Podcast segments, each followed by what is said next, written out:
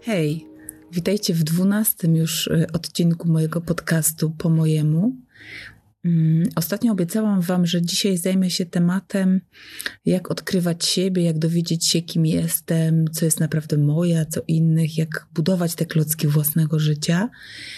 I tak, mam na to pomysł, którym e, chcę się z Wami podzielić, ale jeszcze nie dziś, no bo szukuję do tego pomysłu jeszcze e, jedną niespodziankę no i chcę, żeby to tak razem wybrzmiało, więc czekajcie cierpliwie, a tymczasem słuchajcie też e, o innych tematach. Czas jest teraz taki dość specyficzny, refleksyjny, bo dopiero co byliśmy na grobach naszych bliskich, albo i nie byliśmy, no bo przecież tak też może być, ale o tym za chwilę. E, także przyszedł mi do głowy kolejny temat, który chcę dzisiaj poruszyć, a dodatkowo tak jakoś czuję, że ten temat spina się klamrą z poprzednim tematem, tworząc e, całość, jakiś rodzaj pełni. Ostatnio mówiłam o radości, a dzisiaj będzie o smutku. O przeżywaniu smutku w ogóle, ale też o przeżywaniu go na swój sposób. Mm, bo smutek, tak jak ja go rozumiem, jest e, emocją, która nas zatrzymuje. Często kojarzy się właśnie z takim brakiem e, działania, zatrzymaniem właśnie, słuchaniem, przeżywaniem jakąś taką refleksyjnością i mm, może być oczywiście wyrażany na wiele sposobów i właściwie można by powiedzieć nikomu nic do tego, jak ja ten swój smutek przeżywam. E, I oczywiście właściwie nikomu nic do tego, jak ja jakąkolwiek swoją emocję przeżywam, no bo to jest moje życie, ja mam prawo przeżywać je po swojemu e, i racja w, w tym ale chodzi jednak e, właśnie o to, żeby, żeby je przeżywać. I, i to życie, i, i te emocje, by dopuszczać do siebie, pozwalać im być, a potem puszczać je, radzić sobie z nimi i robić miejsce na kolejne.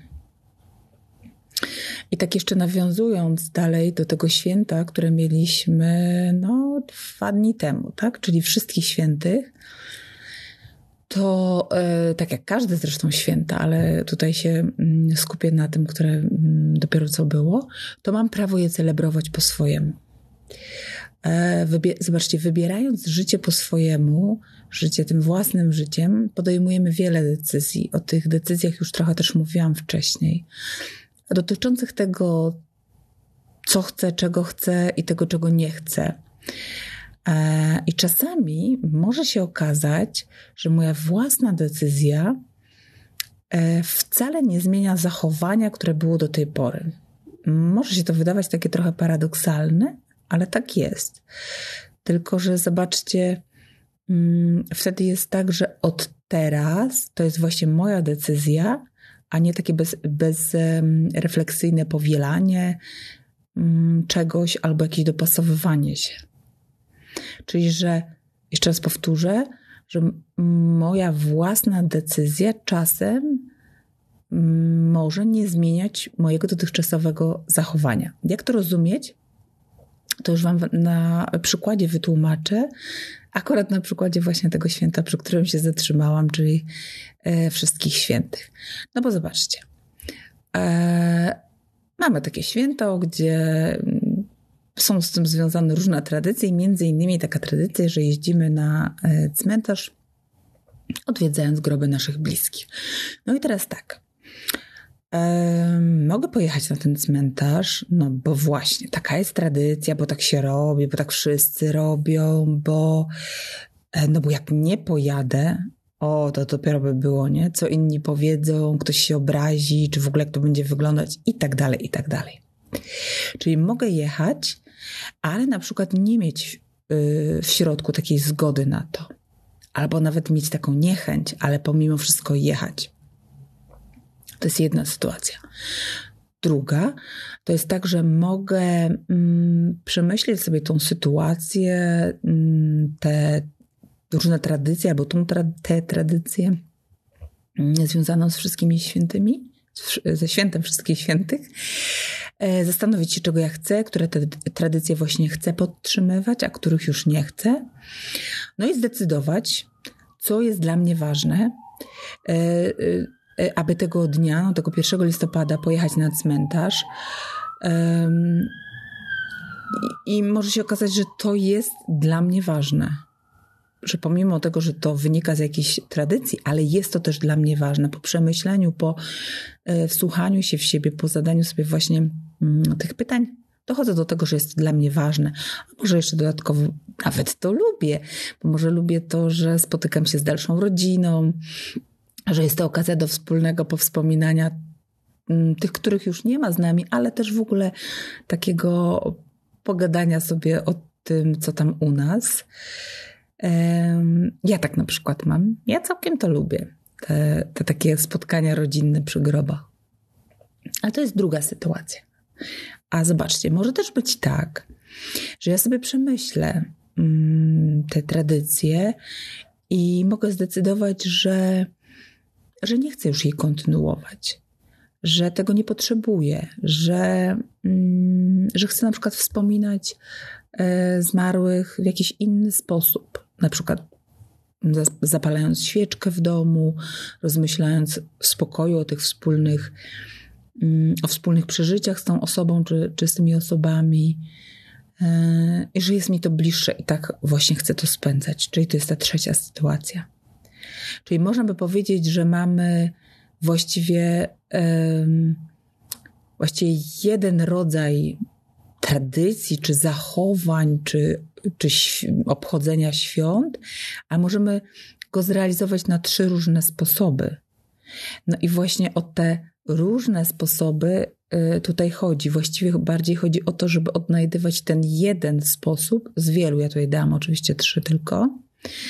Jeden sposób z wielu, który będzie nasz, który uznamy, że, mm, że wynika z tego, że naprawdę tego chcemy, że to jest dla nas y, jakaś część tego właśnie życia własnym życiem.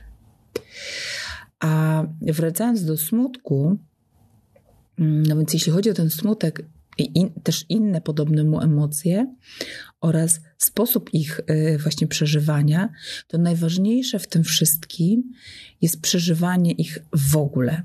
Bo zobaczcie, ja mówiłam wcześniej, że mamy prawo je przeżywać na swój sposób, że nikomu nic do tego i owszem, ale właśnie najważniejsze jest to, żeby je przeżywać w ogóle. Czyli dopuszczać je do siebie, pozwalać im wybrzmieć. Bo jakoś tak się utarło, że yy, ja mam takie wrażenie, ale też yy, z doświadczenia pracy z, z ludźmi, widzę, że te trudne emocje no, są no właśnie trudne, więc najlepiej by ich było e, w ogóle nie przeżywać. Najlepiej, żeby ich w ogóle nie było. Taki mamy jakiś koncept na życie, że super to by było, jakby ich w ogóle nie było. No i jakoś tam je odpychamy od siebie, spychamy w czeluść piwnicy naszego wnętrza, tak na dół, na dół, głębiej, głębiej, żeby ich nie widzieć, nie słyszeć, nie czuć. No i co robimy? No i biegniemy dalej sobie przez to życie, ja sobie tak wyobrażam, że biegniemy przez to życie szukając takich kamyczków, wiecie, szczęśliwości, po których możemy sobie tak kroczyć przez to nasze życie albo hasać. Takie mamy wyobrażenie, że taka wersja życia jest w ogóle możliwa. Na te smutki, jakieś tam trudne emocje, po co nam one w ogóle, że spychamy je do tych piwnic i one siedzą zepchnięte w tej piwnicy i potem jest ich tam coraz więcej, więcej, aż się w końcu y, nie mieszczą i jakoś zaczynają się wydostawać na zewnątrz, ale wtedy się wydostają tak, wiecie, tak niespodziewanie, niekontrolowanie. No i oczywiście z jeszcze większą niż pierwotnie siłą, no bo przecież siedząc w tej piwnicy urosły. No właśnie, czyli tak naprawdę widzę to jako i czuję też jako to, że chcemy być silni, długo chcemy być silni. Mm, też nie okazywać różnych słabości, bo smutek i inne podobne mu emocje wciąż uważane są za, no, za objaw słabości, właśnie. Dlatego jesteśmy silni tak długo, aż okazuje się, no właśnie, że to już zbyt dużo dla nas, albo zbyt długo byliśmy, czy byłyśmy silne. Mm, no jakoś pękamy, jakoś to się z nas wylewa. I tutaj mam taki cytat, którym chciałabym się podzielić. Nie znalazłam autora tego cytatu. Myślę, że to jest takie powszechne stwierdzenie, które gdzieś krąży też po sieci, ale autora nie znalazłam. Więc, więc autor nieznany, ale przytoczę tutaj, mm, że ludzie nie płaczą dlatego, że są słabi. Ludzie płaczą, bo, zbyt, bo byli silni zbyt długo. O, coś tak to było. Czyli byliśmy silni zbyt długo i dopiero płaczemy. Zobaczcie. Ten płacz stał się czymś, czego tak naprawdę unikamy. Hmm aż to unikanie, do, do, takiego momentu, aż to unikanie właściwie staje się już niemożliwe i dopiero wtedy płaczemy.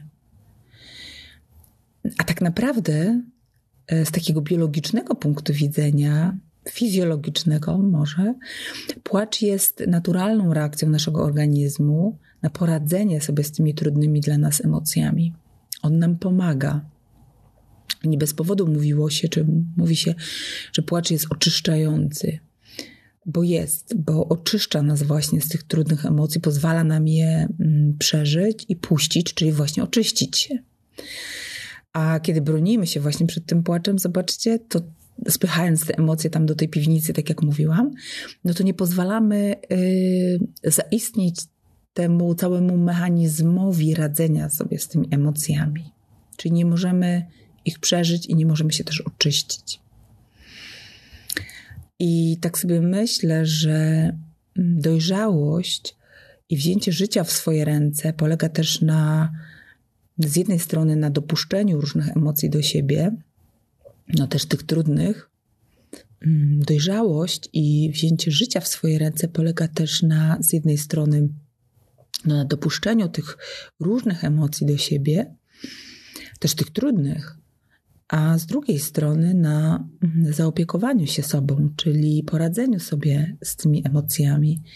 No jedno bez drugiego się nie wydarzy, czyli można by tak sobie y, parafrazując trochę może, albo odnosząc się do poprzedniego cytatu, powiedzieć, że zobaczcie, nie otrzemy łez, jeśli one w ogóle nie popłyną, bo je zablokowaliśmy.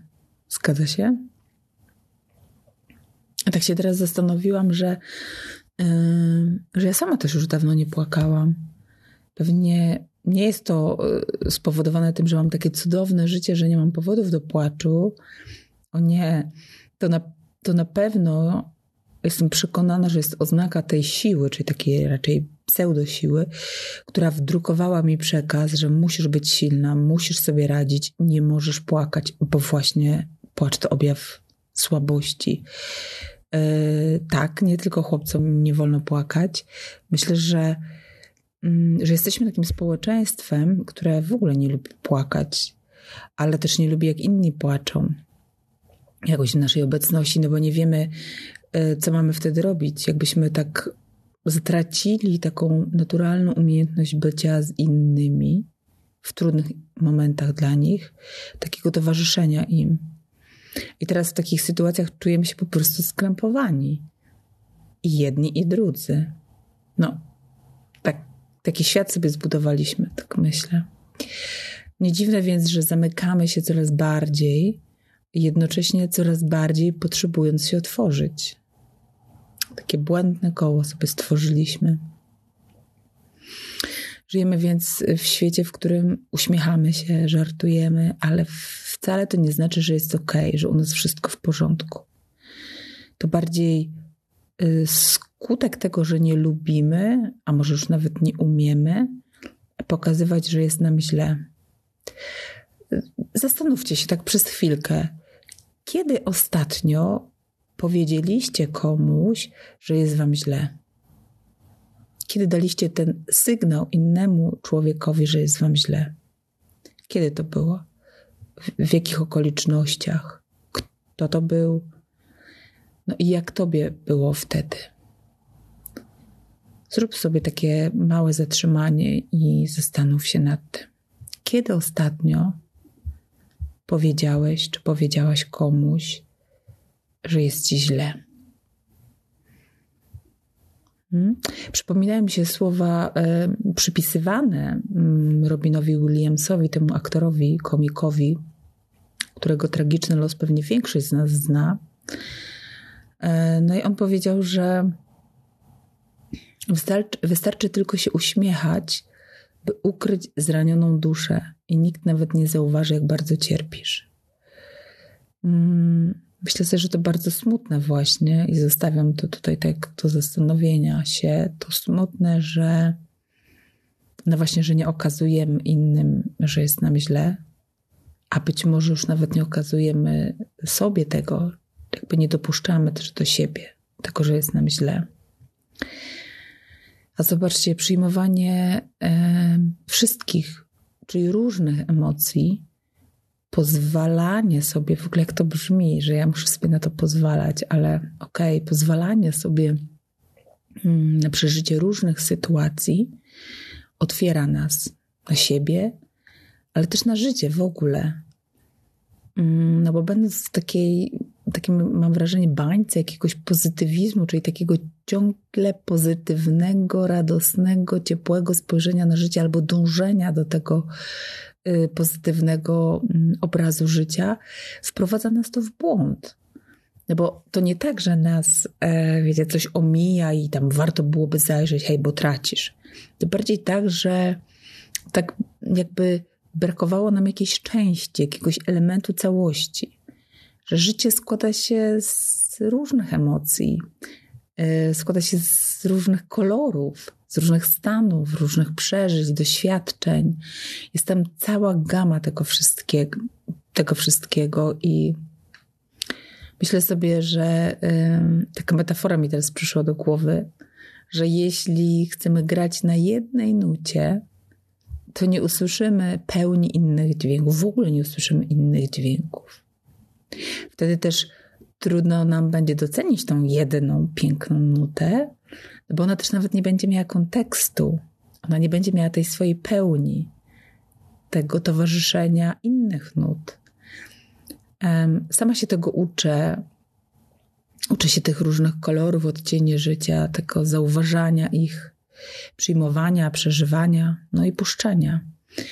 Uczę się tego i oczywiście różnie mi idzie, czasem idzie mi lepiej, czasem gorzej, e, ale próbuję, tak wiecie, powoli, powoli sobie próbuję i mm, też uczę się, jak to jest po mojemu właśnie przeżywać różne emocje. Czyli jak chcę to robić, jak chcę to przeżywać, co jest właśnie moim sposobem sprawdzam sobie, w czym mi jest lepiej, w czym gorzej, albo co mi przychodzi łatwiej, co trudniej. Przyglądam się sobie, wsłuchuję się i wyciągam wnioski z tych lekcji, no bo to są takie lekcje, lekcje życia dla mnie. Więc uczę się tego życia po swojemu. E, I wiecie, co tak sobie myślę, już powoli zbliżając się do końca, że tak mi teraz przyszło, że ja lubię ten swój smutek. Znaczy, kiedyś od niego uciekałam, długo od niego uciekałam, też nie chciałam czuć, a teraz powoli do niego wracam, wpuszczam go, przyglądam się jemu, co on mi chce powiedzieć i, mm, no i uczę się od niego. Dlatego myślę, że właśnie dzisiaj chciałam o tym smutku pogadać, tak dla równowagi do tej radości, o której mówiłam ostatnio, ale pamiętajcie, że oczywiście pomiędzy nimi, pomiędzy tym smutkiem a radością jest jeszcze mnóstwo innych emocji, innych dźwięków życia, innych kolorów. Chciałam, żeby to wybrzmiało, że radość jest dobra, e, ale nie możemy koncentrować się całkowicie tylko na niej, bo to też nie będzie pełnia życia. Doświadczenie smutku czy innych trudnych emocji jest częścią naszego życia, jest nam potrzebne także do lepszego poznawania siebie, no bo zobaczcie, przecież smutek mówi nam o jakiejś stracie, o braku.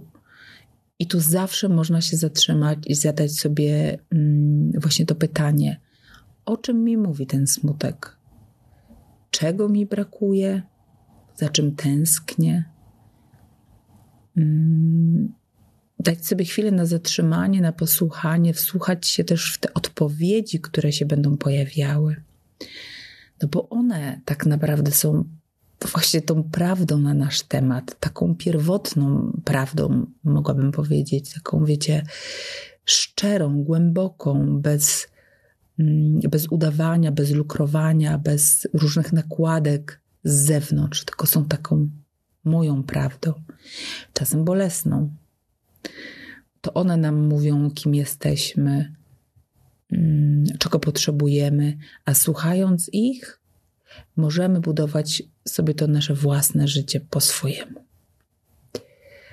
I dzisiaj zakończę też takim krótkim cytatem, który ma już naprawdę wiele lat. Jest jakoś tak symboliczny, mam wrażenie, więc wybrałam go na koniec z takim przesłaniem, żeby się zastanowić, o czym milczę.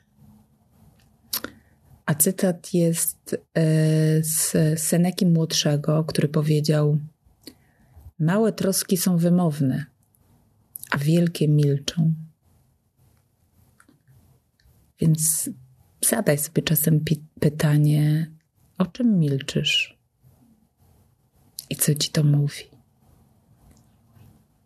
Dziękuję za dzisiaj. Zapraszam też do moich y, kanałów społecznościowych na Kubek Sensu na YouTubie, Instagramie i Facebooku. Tam też znajdziecie więcej e, dobrych treści. Mm, a tymczasem dziękuję i do usłyszenia za kolejne dwa tygodnie. To już całkiem niedługo. Dzięki.